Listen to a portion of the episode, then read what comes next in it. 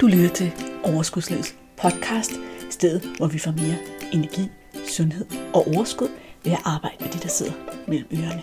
Din vært er life coach og sundhedsundern Malene Dollerup. Lad magien begynde.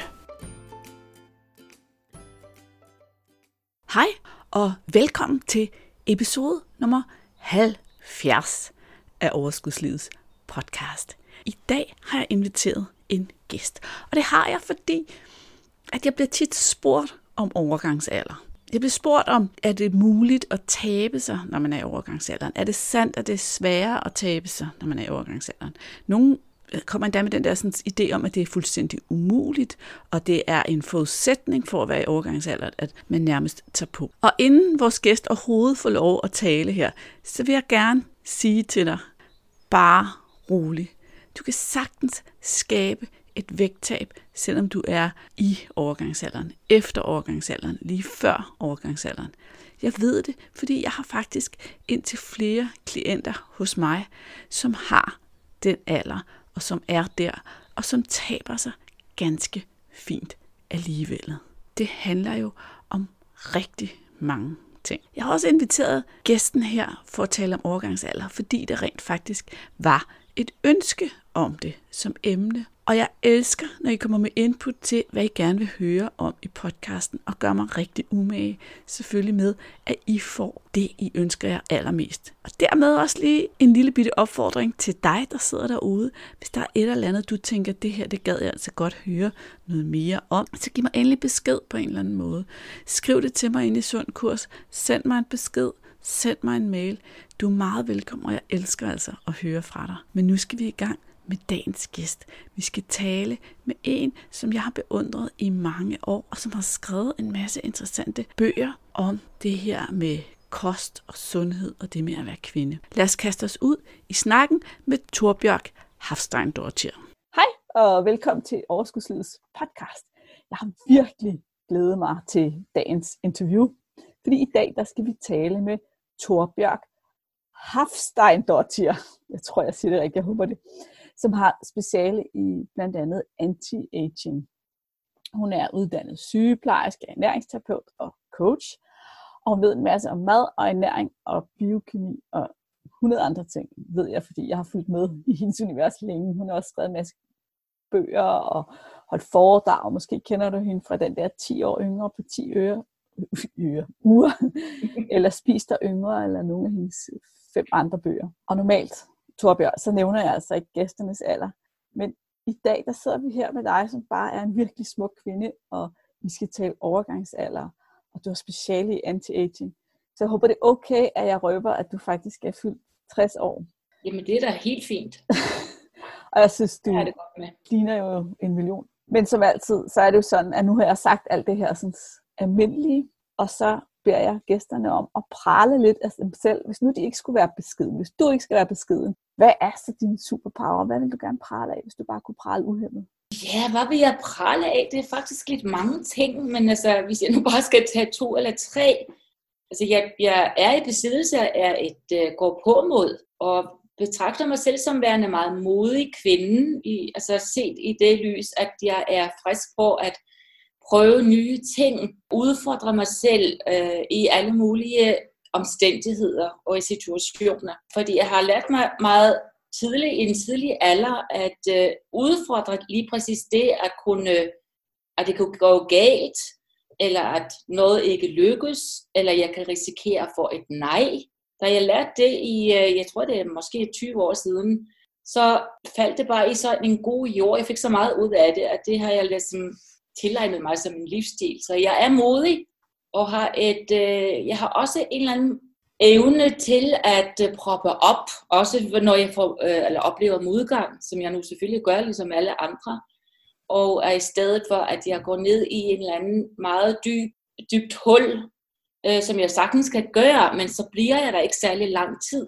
Så jeg har en opholdelsesdrift, som jeg også er ret stolt af at have, fordi det kan godt betale sig at have den, øh, for ligesom at komme videre og, og se gaven i, i nedturen, hvis man kan sige det på den måde, og, og lære noget og tage noget med sig, og så erobre nogle nye ting. Jeg er også ret stolt af mit ophav, hvor jeg kommer fra, hvor jeg stammer fra, og det er jo Island. Det er ikke bare Island, men det er den del af Island, som er den aller, aller smukkeste, som er oppe i, altså nord, helt op nordpå, hvad kan man sige, på Vestfjordene, selvom det er nordpå, så er det nordvest, og det er Vestfjordene, som nu er en nationalpark og fredet område.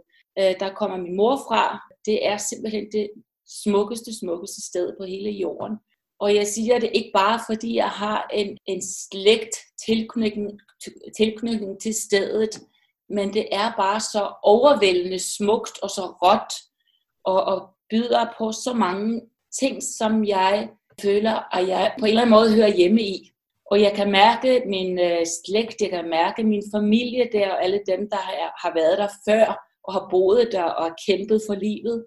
Fordi det har ved Gud ikke været nemt at bo på det her sted, og slet ikke om vinteren. Og de mennesker, der har måttet, som har boet der i de generationer, de har været lavet af noget helt specielt stof.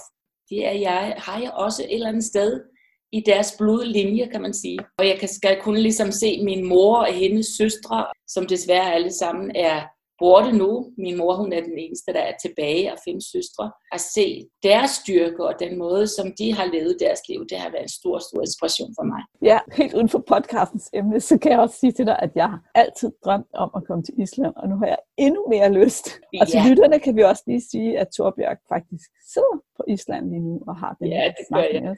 Ja. Lige midt i vinterstormen. Ja, snestorm har din der her, hvor vi ingen sne har i Danmark jo. ja, det er derfor, jeg er her lige nu. Lad os starte med at høre lidt om dig, Torbjørg. Jeg tænker, der sidder nogle lytter derude, som kender dig, og så sidder der nok også nogen, som ikke rigtig ved, hvem du er. Har du lyst til at fortælle din historie? Måske også noget, fordi nu skal vi jo snakke overgangsalder i dag. Så ja din historie, måske også din egen oplevelse omkring overgangsalder. Altså lidt om mig. Altså jeg er, du har jo selv sagt, at jeg er, har levet 60 år. Ja, og det kommer lidt bag på mig, at jeg er blevet øh, 60 år. Det var lidt, jeg synes, det var lidt mærkeligt her sidste sommer, at øh, 2019, at, at fylde så meget, for det eller andet sted, der synes jeg, det er meget at fylde 60 år, men, men det fyldte jeg også, da jeg blev 50, det synes jeg også var et mærkeligt tal, og så kommer man over af det. Jeg er født i Island, har boet i Island de første 20 år af mit liv, og så flyttede jeg til Danmark har stor tilknytning til Danmark, og det havde jeg allerede, da jeg var barn. Var gift med øh, mine tre pigers far i rigtig mange år. Vi blev skilt for en, ja, er det snart 20 år siden eller sådan noget. Måske er det ikke det, men det er i hvert fald lang tid siden. Og det er i fred og fordragelighed. Det var egentlig først efter, at jeg blev skilt, at jeg blev klar over, at nu blev jeg nødt til at øh, oppe mig lidt selv i forhold til at øh, forsørge mig selv, for nu var jeg alene. Og det var egentlig der, at hvis jeg kan snakke om karriere inden for mit område, som er helse og næring og kvinder i det hele taget, fordi jeg er simpelthen så enormt interesseret i kvinders øh, sundhed og kvinders måde at øh, kunne øh, ja, at udvikle sig selv på, på alle mulige måder og øh, blive stærke og, og finde styrke i sig selv. Det, som sagt, blev jeg først nødt til at arbejde med, og fik mulighed til at arbejde med, fordi at øh, jeg var blevet alene. Og så skrev jeg bøger. Så var det, at jeg skrev et eller andet i en avis og øh, artikel, og som handlede om anti-aging, eller man kunne spise sig til spise sig yngre, og det var der ingen, der havde talt om før på det tidspunkt.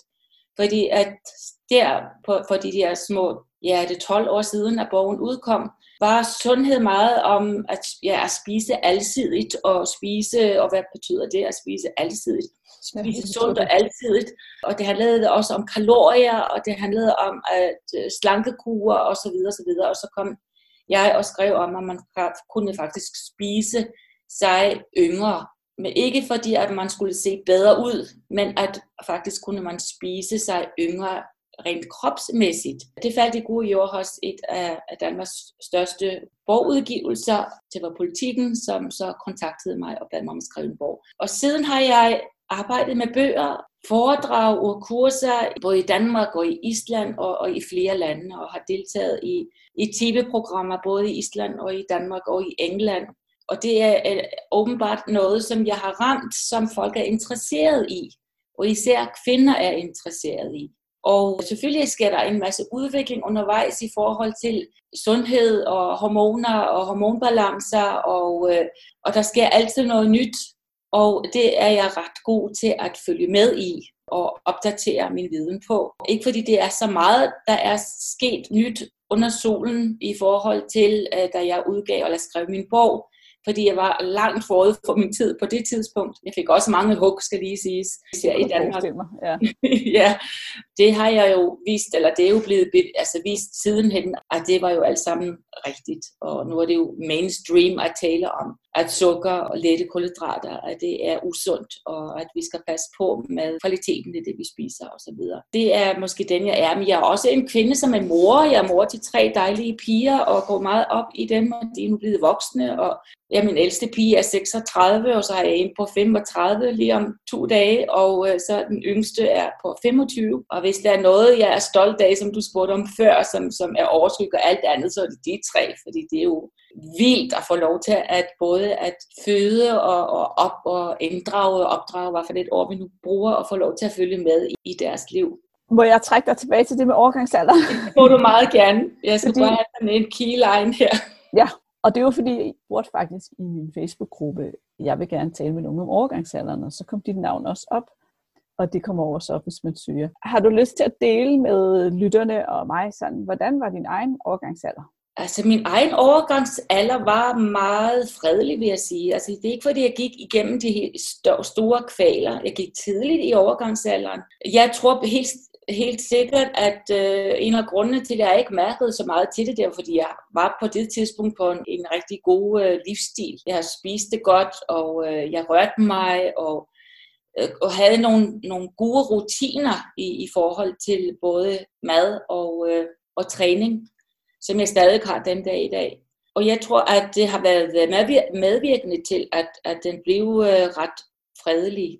Øh, jeg kan godt huske, at der var nogle hedeture og jeg kunne mærke, at der var nogle ændringer i, i, i kroppen. Men jeg har ikke oplevet de kvaler, som nogle af de kvinder, som jeg har haft i min supervision, oplever eller har oplevet, og som har været meget, meget, og som er meget svær og kompliceret hos mange af dem. Så jeg har ikke nogen dramatisk beretning fra min, mit eget personlige liv omkring overgangsalder. Den skete gradvist, og så var, holdt jeg op med at have menstruation, og det var fredeligt, og det var fint, og det var dejligt at være fri for det egentlig. Øh, selvom at der kom også øh, en, en periode af savnen af det på en eller anden måde, fordi så tænkte jeg, nu kan jeg ikke få flere børn, øh, som om det skulle ske. Men altså, ja. på det tidspunkt... Øh, var jeg også sammen med en, en meget yngre mand, end, end jeg selv var. Så det måske også kunne ligge i korten, at det kunne være, at vi havde lyst til. Ja. Men det havde vi så ikke, og det var fint nok. Men øh, altså bare se det, det her i, i det lys, at hvis det skulle have været, så kunne, have, kunne det have været et savn, at jeg ikke havde min, øh, min cyklus længere. Men nej, det var fredeligt, og det var fint. Og, og hedetur var der nogen af, og jeg er glad for, at jeg fik dem. Også fordi, at øh, det gav mig også en, en, øh, en mulighed for at forstå andre kvinder, som kom til mig øh, for at få noget hjælp, og jeg selv havde oplevet, hvordan det er at få hedetur. Jeg har nogle andre hedeture i dag, som slet ikke skyldes overgangsalder, men de skyldes noget, øh, en ændret øh, energiomsætning i min krop, fordi jeg spiser anderledes nu, end jeg har gjort før. Så jeg, har, jeg connecter også i dag som 60-årig ved, at der kan være hedeture, og hvordan de føles, men er ret glad for dem fordi at det er et tegn på, at der er en energiomsætning i min krop, som er gavnlig. Hedeture i forhold til overgangsalder kan være meget ubehagelige, også fordi at øh, de rammer kvinder om natten. Der er mange svedeture også øh, forbundet med dem, så at, at det er, må være simpelthen så træls. Men der er noget at gøre ved det at, ja, og det vil jeg gerne høre, men jeg skal først lige høre, er der forskel på en hedetur og en svedetur? Ja, der er lidt forskel, fordi at der er svedetur kan godt være sådan en, som man bare, altså alt, både tøj og, og, og sengetøj, det bliver gennemvæs, altså gennemvådt af sved. Mm. Og hedetur, det er sådan lidt mere en indre, en indre varme, hvor du kan mærke, at, at hele din krop bliver så varm at, øh, at du øh, behøver ikke at have alle de her tøj på og sådan noget. Altså jeg kan gå udenfor i dag i koldt vejr, uden at jeg pakker mig særlig meget ind, fordi at min kropstemperatur føles høj. Det er den ikke. Jeg har ikke feber, men, men jeg har en, en god temperatur i min krop, og jeg fryser ikke særlig meget. øh, mere, som jeg har gjort før i tiden. Jeg kan godt forklare, hvorfor det er sådan. Det er, fordi jeg er på et andet brændstof end glukose nu, for nu følger jeg et øh, keto-mad, og hvis du ja, vi kan jo, det er ikke fordi, vi skal snakke om det, men altså det, så bruger man et andet brændstof, fordi jeg brænder mit eget fedt, ja. og, og laver noget, der hedder ketoner, og, ja. og det genererer noget, noget energiproduktion, når man brænder fedt i sin egen krop, og det, det giver varme. Så det er en af grundene til, at jeg har det, som jeg kalder måske hedetur i dag. Jeg har en varm krop. Du har en varm krop. Jeg synes, det er meget interessant, og jeg ved jo også, også fra nogle af mine klienter, at det her med, lige nu der er mange, der snakker keto også, fordi det er januar og sådan noget, ikke? I hvert fald mens vi sidder her og optager det i januar. Og jeg ved også, du har skrevet en bog på islandsk. Om... Ja, det er lige udkommet her nu her for et par dage siden, ja. Hvis der er nogle af lytterne, der kan læse islandsk, ja. hvad hedder bogen så? Altså bogen hedder Ketoflex, Ketoflex 331. Lige nu kan den kun fås i Island, men selvfølgelig har jeg tænkt, at jeg skal oversætte den til dansk, så at mm. den også udkommer i. Det er en god bog. Det lyder godt, det vil vi glæde. Ja. Lad os lige gå tilbage til overgangsalderen, ja. bare for at holde os til et emne ja. ellers kunne vi også snakke en hel time om det andet, er jeg ret sikker på. Helt sikkert. Eller Men jeg er 48, og ja. min mor, hun gik i rigtig tidligt i overgangsalderen, også allerede starten af 40'erne, og hun led virkelig under det. Altså, det har hun sat mange ord på. Hun synes, det var ganske forfærdeligt, og hun måtte have hormoner og alt muligt. Og jeg kan jo så se nu, om jeg er jo allerede nået nogle år længere, uden egentlig at være i overgangsalderen. I hvert fald ikke noget, jeg har lagt mærke til. Men jeg bilder mig jo også ind, at det handler om, at jeg har en helt anden livsstil. At jeg spiser meget mere grønt og sundt og vælger sukker meget mere fra, og jeg er meget regelmæssig med min motion og får styrketrænet og sådan noget. Er det sådan nogle faktorer, eller er der også andre faktorer, eller fortæl os lidt om, hvordan vi kan påvirke vores organisation? Ja, du er jo fuldstændig inde på det rigtige, fordi det er i virkeligheden ikke noget specielt altså hokus pokus på den måde, at øh, man for mange kan det godt virke lidt overvældende, fordi der er, hvordan man skal forebygge det, altså forebygge at komme i en overgangsalder, som, som man oplever være slem eller, eller besværlig på en anden måde. Maden har noget med det her at gøre. Det er helt, det er helt 100. Øh, så hvis man på en eller anden måde kan øh, forberede sig til den, og det havde jeg selv gjort i ret lang tid. Jeg havde forberedt mig til det, uden at jeg vidste, at jeg forberedte mig til noget som helst. Fordi det var bare det, jeg gjorde, fordi at nu havde jeg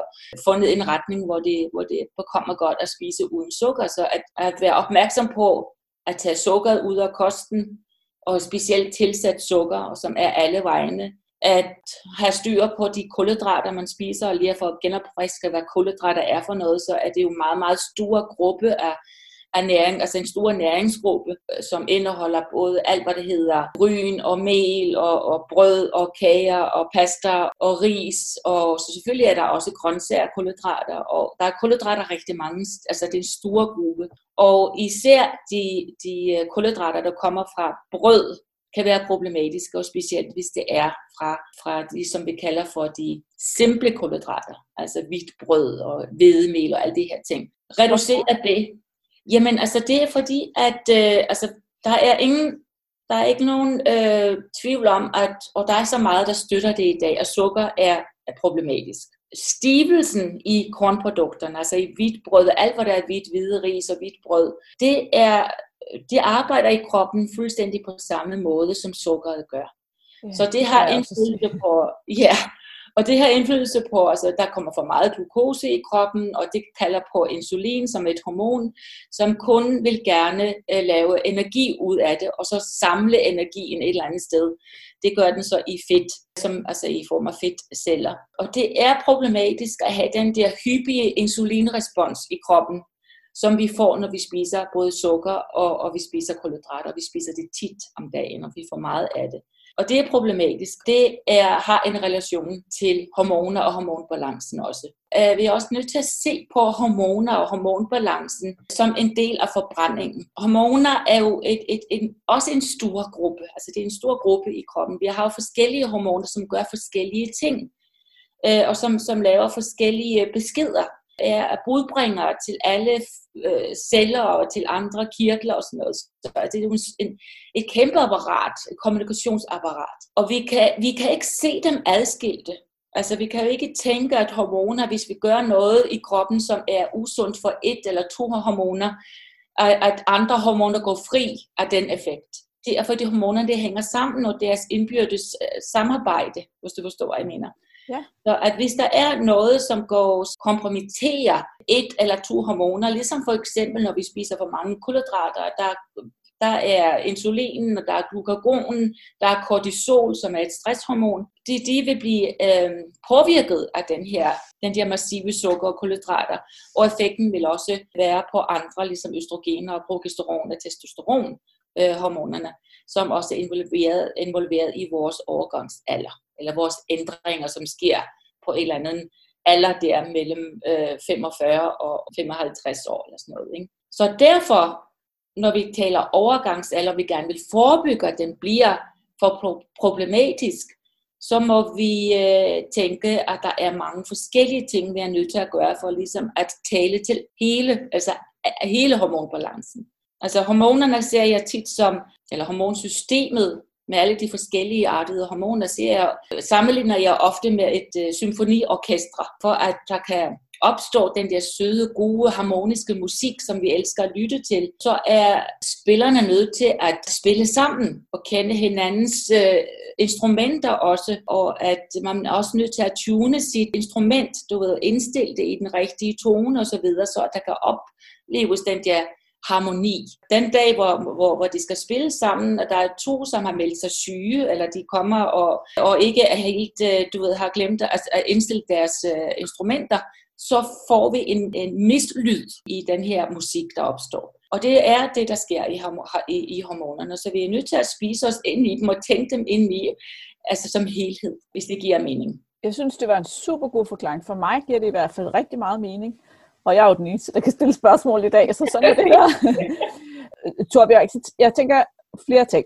Jeg tænker, ja. du siger, at du har nogle kvinder i supervision, som er i overgangsalderen. Kan vi også gøre noget, når vi står der, og vi ikke har noget at forebygge, og det hele bliver slemt?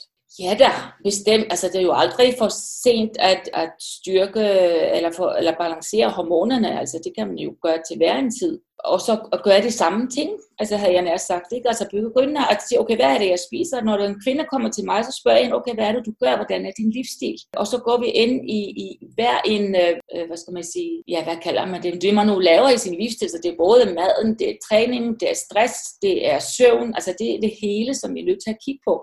Og så hjælper jeg den her kvinde med at, øh, at få balanceret det hele og give hende nogle gode råd, hvad hun skal gøre i forhold til maden, det er sukker, kulhydraterne, hvad for nogle fedtstoffer, som er super vigtige, altså at tage nogle gode fedtstoffer og tage alle de der øh, industriolier ud, og så erstatte dem med nogle gode økologiske øh, fedtstoffer. Og så vil man også huske en ting, at hormoner bliver lavet, og specielt vores kønshormoner, det bliver jo lavet af er kortisol, at det bliver lavet af fedtstoffer. Så at hvis de fedtstoffer, de mangler, så er der jo ikke noget at sige til, at de også kan lide lidt, altså hormonerne. Så alt det her, det, det hjælper jeg kvinden med at få lavet en kostplan om, gode fedtstoffer, ud med sukker, ud med alle de der nemme og lette kulhydrater, erstatte det med nogle gode øh, grøntsager, som vi ved kan hjælpe hormonbalancen. For eksempel alt, hvad der hedder brassica-familien, som broccoli og blomkål og kål. Så at hvis man skal spise grøntsager, så lad os vælge dem, der gør noget rigtig godt for hormonerne. Der kan også godt være kosttilskud, som kunne hjælpe her. Der er en god olie, som hedder natlysolie, som jeg sætter mange på. I nogle tilfælde sætter jeg også kvinder på noget øh, selvfølgelig økologisk og ikke genmanipuleret soja, tofu og så videre, fordi de kan godt hjælpe i overgangen med at få soja ind, fordi det mimer øh, østrogenvirkningen i cellerne. Og så snakker vi træning, vi taler om stress, vi taler om, øh, hvad er det for en situation, som kvinden er i lige præcis nu. Og jeg oplever også, at, at mange kvinder, som er måske nået en vis alder omkring de, de 50 år, at det, der også kan spille ind, er noget øh, måske spørgsmål om, en, øh, at de oplever en reduktion i deres eget værd, altså som kvinde. Altså deres eget selvværd og, og værdi som kvinde i en ny position. Altså det, ofte fordi børnene måske øh, ikke... Ja, altså børnene er ved at flytte hjemmefra, og de gider i hvert fald ikke, at hvis de stadig bor derhjemme, så gider de måske heller ikke så meget deltage i nogle af de der fælles ting, som de før har gjort. Nogle kvinder har problemer med ægtefælder, der står i skilsmisse, andre står i, på et sted i deres arbejde, hvor de er enten øh, lidt træt af arbejdet, eller har fået på en eller anden måde øh, sat i, sat, jeg vil ikke sige, at de bliver fyret, men de kan mærke, at de har ikke den samme værdi mere, og at øh, man kigger mere efter yngre kapaciteter i forhold til nogle opgaver. Fordi det kan du alligevel ikke finde ud af det, fordi det her det er teknisk, og det har meget med computerteknik at gøre, og nye programmer osv. Vi giver det til hinanden. Altså, det er jo sådan nogle ting, som jeg hører. Og oven i det kommer de forandringer, som så opstår i kroppen. Hedeture, øh, træthed, og huden den bliver ændret. Sexlysten den er, den er heller ikke så stor, som den har været før, og det går også ud over samme. Så der er mange faktorer, der spiller ind i forhold til, hvem er jeg nu som kvinde?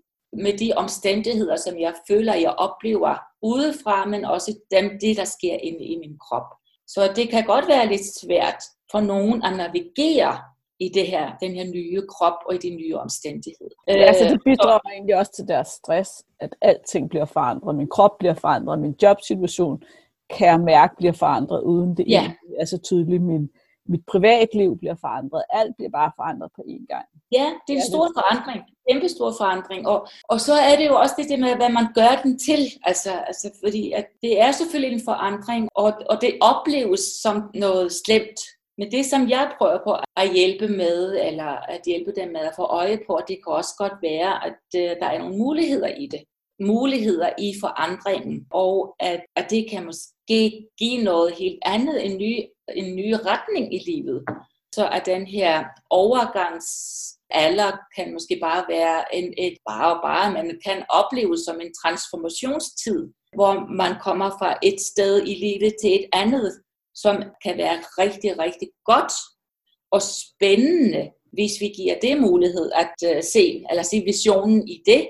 Og især fordi, at vi kommer til at leve så meget længere nu. Altså, vi har så langt et liv foran os. Vi bliver jo ældre og ældre, og det kunne være meget fedt, hvis vi også kunne blive sundere og sundere i de år, som vi har. Jeg tror, det er en god idé, at man gør sig det klart allerede der omkring de der 50 år at hvordan vil du gerne have, at det, resten af dit liv skal være. Hvem vil du være i det, og hvad vil du opnå og sådan noget. Og det kan være meget, meget svært at, eller det kan i hvert fald være svært, hvis man har plantet sin energi i, at det her det er et drama, eller det her det bliver svært, eller det er synd, at jeg nu ikke har børnene hjemme, eller at de ikke pifter efter mig på gaden mere, de øh, yngre drenge eller fyre, eller hvad det nu er. Altså, hvad det nu kan være. Ja, ja, ja. Jeg synes, det er så fint. Jeg er selv meget stor tilhænger af den der tanke om, at livet ligesom er delt op. Jeg plejer at sige, at det er delt op i nogle kapitler. Ja. Og nogle gange er der et kapitel, der er slut, og så starter der et nyt, og så er det ligesom op til os at finde ud af, okay, hvad skal, jeg, hvad skal der ske i det her kapitel? Så vi hele tiden ser, at selvfølgelig er der noget, vi siger farvel til, men der er noget andet, vi siger dag til. Ja, lige præcis. Ikke? Altså, det, er jo, det er jo nogle epoker. Altså, det er, vi er der nogle af os, der har været gravide og haft det, og haft små børn, og så bliver de teenager, så er det det, og så går, tager de hjemmefra, og det er jo så fint, altså. Endelig! Endelig er der fred.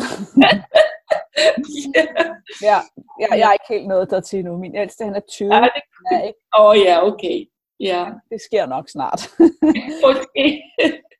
Så Bjørk, hvordan er det ledes i forhold til det her med træning? Hvor, hvor meget kan man så påvirke de her sådan, ubehagelige symptomer med træning, eller hormonbalancen med træning? Hvad betyder det? Sindssygt meget. Altså, det betyder så meget. Altså, maden absolut nummer et. Og så vil jeg sige, at træningen derefter.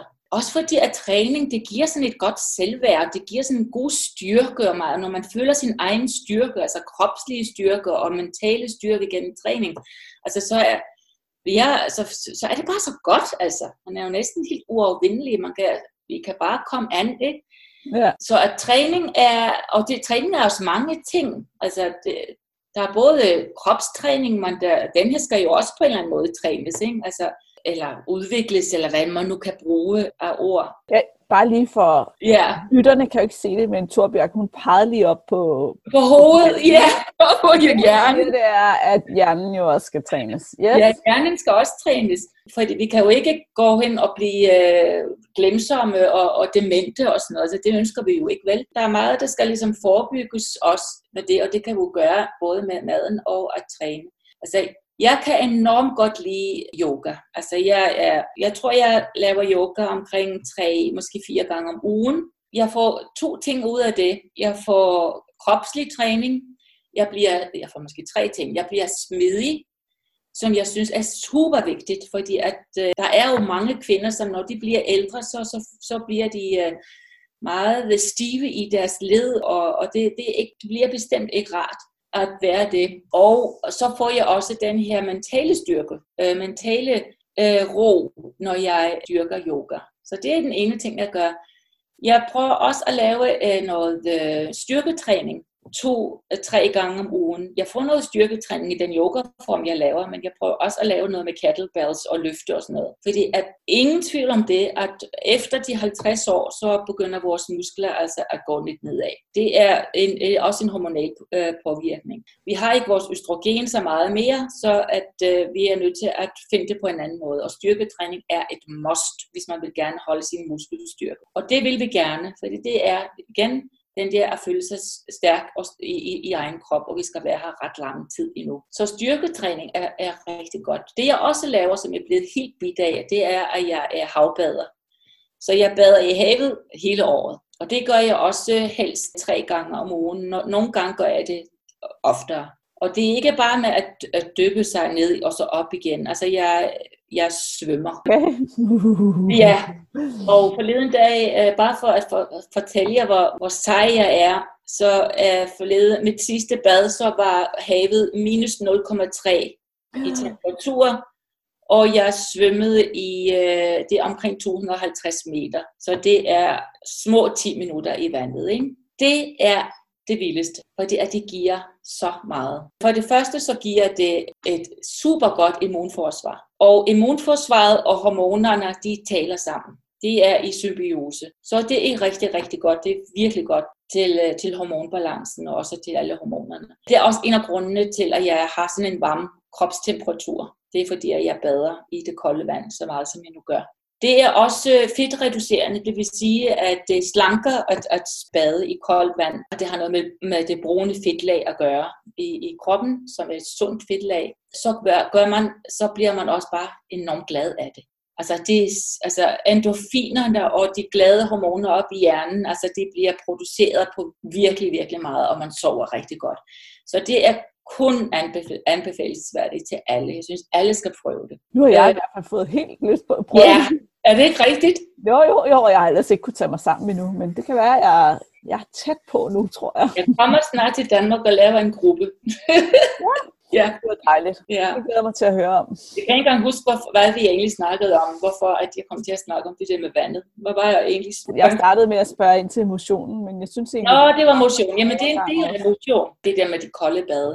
Og så skal man også huske en ting, og det er, at øh, efterhånden som vi bliver ældre, så har vi brug for mere protein til de her muskler og til øh, alt det, som nu kroppen har brug for af proteiner. Så at øh, det vil jeg bare understrege i forhold til overgangsalderen, at det er en god idé at øh, spise omkring 1,2 måske endda 1,5 gram per kilo vægt af proteiner om dagen.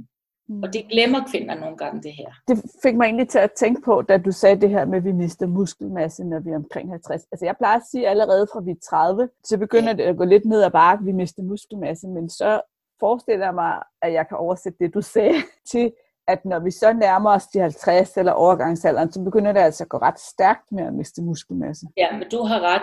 Og så er det også lidt svært ligesom at sætte nogle alder på det her med, hvornår tingene de sker, fordi at jeg har også kvinder her i, øh, i min stol til konsultation, som er i overgangsalder allerede, når de er 37. Ikke? Det er jo meget individuelt, hvornår det sker. Og det har fuldstændig noget at gøre med livsstilen. Så ja. vores livsstil påvirker også lidt, hvor hurtigt vi går i overgangsalderen. Plus selvfølgelig noget med vores gener. Og... Jamen klart, ja ja. Det gør det da. Fordi at lige så vel, at vi kan spise os ud af en, eller forebygge noget slemt, øh, hvad der slemme, eller hvad skal man sige, jeg vil ikke kalde det en dårlig, altså en, en slem oplevelse af en, en overgangsalder. Vi kan også godt spise os til en slem oplevelse. Nu for eksempel har jeg en meget stærk genetisk disposition for, for gigt. Det har de næsten alle sammen i min familie. Jeg holder det fuldstændig nede ved, altså med den livsstil, som jeg nu fører hvis jeg gerne ville fremkalde den her genrespons, så skulle jeg bare spise, som almindelige mennesker spiser. Altså i tre dage, så har jeg fået mine symptomer. Ikke også? Og når jeg siger almindelig kost, altså almindelig kost, altså det må jo være det der med at, spise, at for meget sukker og for meget brød og en typisk almindelig kost. Ikke? Ja. Jo, altså man kan sige, at der er jo mange mennesker, der stadigvæk synes, at hvis de ikke kan spise deres bolle med ost til morgenmad og deres kage til eftermiddagskaffen, så kan de ikke spise almindeligt. Så ja, ja det vil sige, det er jo stadigvæk at betegne som almindelig kost. Ja, er det ikke? Ja. Men det er ikke dermed sagt, at det er fanatisk, altså det, som jeg gør. Altså folk gør også meget det kan godt være også, oh nej, jeg gider ikke at være så fanatisk, jeg gider ikke at nægte mig om så mange ting, og jeg gider ikke det, og jeg gider ikke det. Det er også helt i orden. Altså folk kan, kan jo bare, altså man kan jo gøre, hvad man vil, og jeg er slet ikke nogen dommer om, hvad, om, altså, hvad folk de har, vælger at gøre. Jeg tænker bare, at hvis man har et ønske om noget bestemt, i forhold til en vision om, hvordan man gerne vil have det i sin krop, ikke?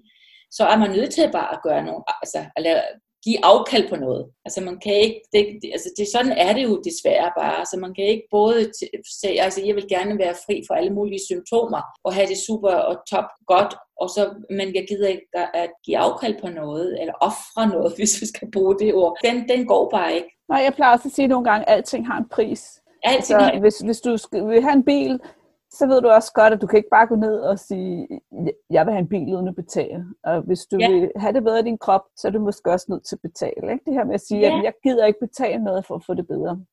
Ja, ja, men that's okay.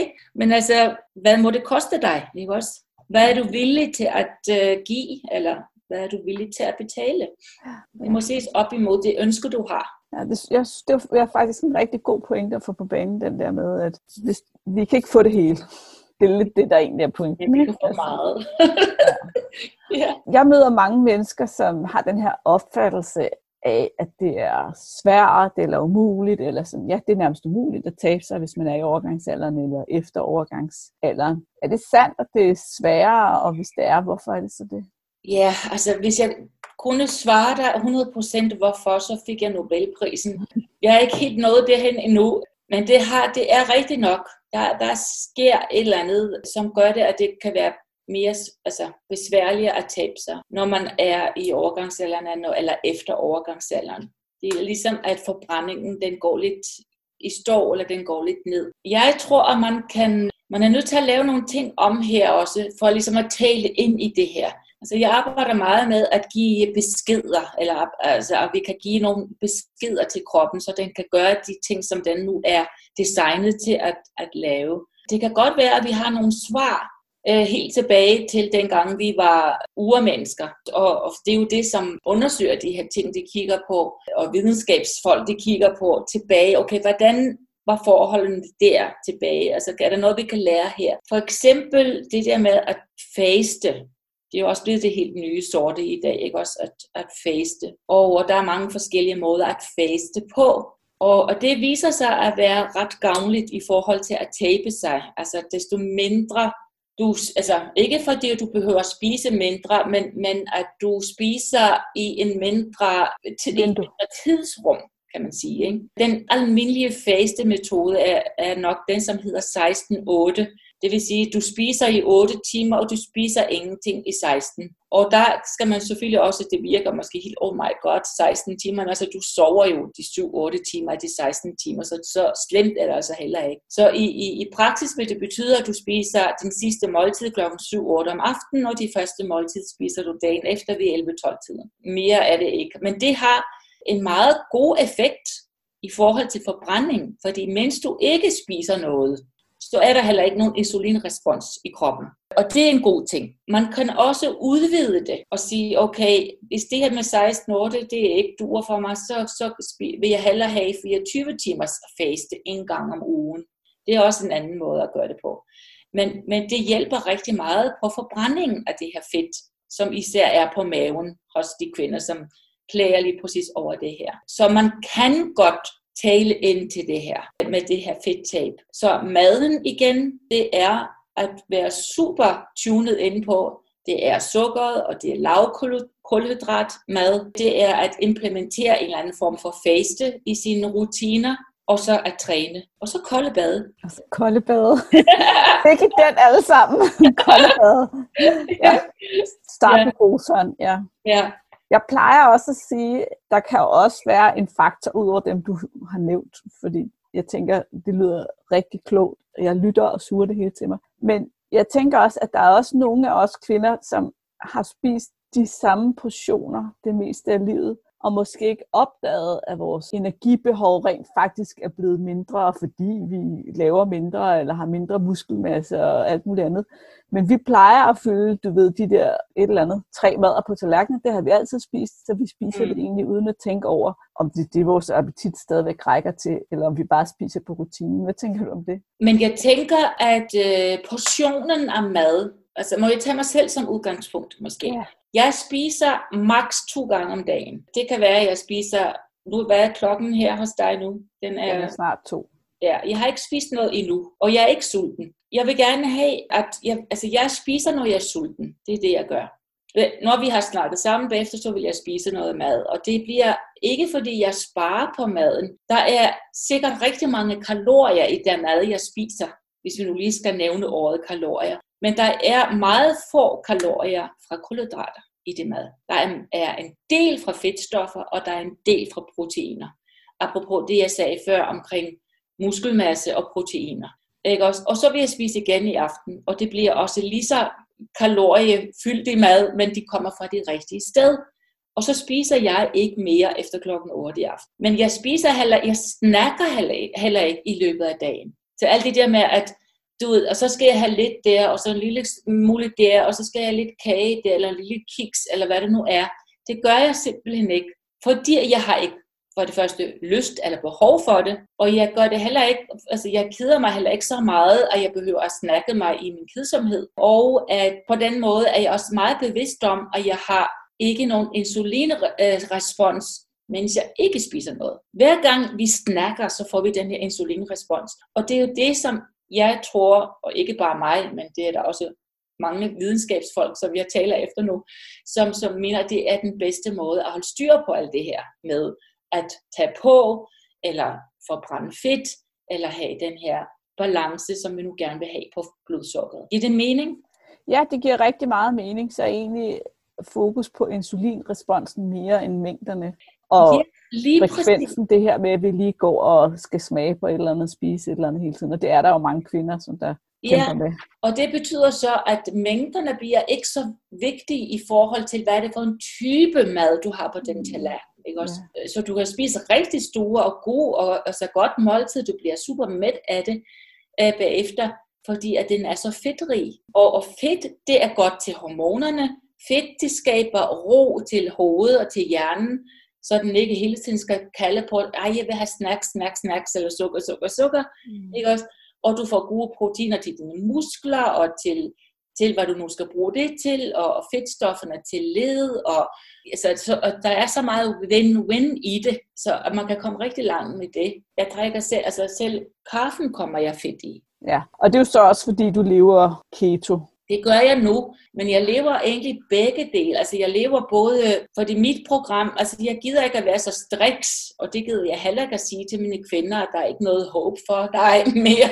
Du kan aldrig, du kan aldrig få din yndlingskage eller et glas vin mere. Sådan er det slet ikke i mit program. Fordi mit keto-program, det hedder Keto Flex, lige præcis fordi, at du kan flexe og være fleksibel mm. i, din, i dit valg af kulhydrater og at du kan få en, en, øh, en fri dag om ugen, hvor du kan gøre, hvad du har lyst til. Samtidig med, at du får de gode øh, resultater, som, som de fleste vil have. Det vil sige, at du taber noget, øh, det, det her mavefedt, og du har den der gode energi, og du laver muskler, eller får en god øh, muskelmasse, og at du sover bedre, og du får en god øh, fokuseret hjerne, som husker Altså, det er jo de ting, som er vigtige for mig i dag. I hvert fald. Ja, det kan jeg godt forstå. Og holder ja. du selv også en fridag om ugen, eller hvordan? Det gør jeg. Altså min fridag er som regel om lørdagen, og så er jeg tilbage om søndagen, fordi at jeg skal som regel ikke noget sammenkomst øh, om søndagen, som gør det svært for mig at, at nægte mig om noget, hvis du forstår, hvad jeg mener. Jeg forstår ja. godt, hvad jeg mener. Ja, ja. ja. Tiden løber. Jeg kunne godt tænke mig at spørge dig om én ting mere. Og det er svært, det her. fordi jeg har faktisk flere ting. Men det er fordi, når vi er i overgangsalderen, og, hormonerne fiser rundt i kroppen på os, så er der også nogle gange noget med vores følelser ligesom bliver lidt mere tydelige. Og her i podcasten kan vi også godt lide at snakke om følelser. Så kan du sætte på ord på sammenhængen mellem de hormonelle forandringer i overgangsalderen og så de følelser, vi oplever? Ja, og er det ikke bare så fedt, altså, at vi kommer i kontakt med dem. Endelig, havde jeg sagt, ikke? Så, yes. så får de bare lov til at, at, at udtrykke sig for fuld udblæsning. Men jeg kan godt forstå, at det måske kan være lidt øh, overvældende, du ved, at være i kontakt med dem, og at, bare se en, en god, øh, eller en meget øh, sørgelig film, eller et eller andet, kan gøre, at man bliver helt ked af det. Altså, jeg, jeg har, jeg, jeg, ved, jeg ved ikke, hvad jeg skal egentlig svare til. Der er jo en hormonal forklaring på alt. Altså, hvilken eneste følelse, vi har, om det er en glæde, eller sorg, eller, eller kedadhed, eller havde jeg sagt vrede også, og irritation. Altså, der er jo, vi kan jo godt øh, komme med biokemiske forklaringer på det hele, fordi at når alt kommer til alt, er vi meget molekylære og, og bliver påvirket af alle mulige ting og sager, som fremkalder forskellige ting og sager. Ja, vi bliver måske lidt mere følelsesmæssige, når østrogenerne de går ned på den her måde, og, og når testosteronen også går ned, som den også gør, som er det der hormon, som også styrer noget med det den der livskraft og og vi bliver mere følsomme. Og et eller andet sted, så omfavner jeg det. Jeg synes, det er okay, at vi bliver mere følelsesladet, og vi mærker os selv lidt bedre. Ikke fordi, at jeg mener, at det skal styre os. At det er vi måske ikke så, godt, så vel tændt med, for det følelser kan også godt måske det at tænke i drama, eller tænke i, øh, i ofre, eller, eller at vi bliver altså på en eller anden måde ofre for et eller andet. Så, det, så altså, følelserne kan også løbe afsted med os et sted, hvor, hvor, hvor vi ikke er tændt med at være. Men der tror jeg, at vi kan også bruge at være nysgerrige omkring, hvad er det for noget, der foregår nu her? Hvad er det, hvad er det at mit følelsesliv eller følelserne for, altså, vil gerne fortælle mig? Og hvad er det, jeg skal give værdi, og hvad andet skal jeg sige, okay, det er hormonerne, jeg spiser, jeg drikker lige en, en latte med lidt fedtstof, og så kommer der ro på det. Altså forstår du, hvad jeg mener? Ja. Altså det, det, jeg vil ikke bare sige, ja, det skal vi også spise os ud af. Altså, fordi jeg synes, at følelser, det er, er vigtigt, at de får lov til at, at, at man kan få lov til at mærke dem, og så give sig tid til at mærke dem. Fordi der er mange kvinder, og der er mange kvinder, som har i så mange år forsøgt lige præcis at skjule følelser, og været den, der skal være den stærke, og skal klare det hele, og man skal ikke se på mig, og jeg lider, og ja, jeg har fået mange opgaver på mit arbejde, det skal jeg bare sige ja tak, og så bare gøre det uden at kny. Eller jeg tager for, øh, hvis der er nogen, der siger et eller andet, så skal jeg, så bliver jeg ked af det, men jeg gør det i, i smug eller et eller andet. Altså, vi behøver ikke at være så stærke, eller vise, at vi er så stærke hele tiden. Så hvis der kommer nogle følelser ind over, så er det bare fedt, synes jeg. Lad os bare vise det. Ja, yes, ja, jeg er med her. Og så tænker jeg også, at i virkeligheden, så er det jo ikke følelser, vi ikke har i forvejen, er det? De bliver bare det, forstærket? Det, bare eller?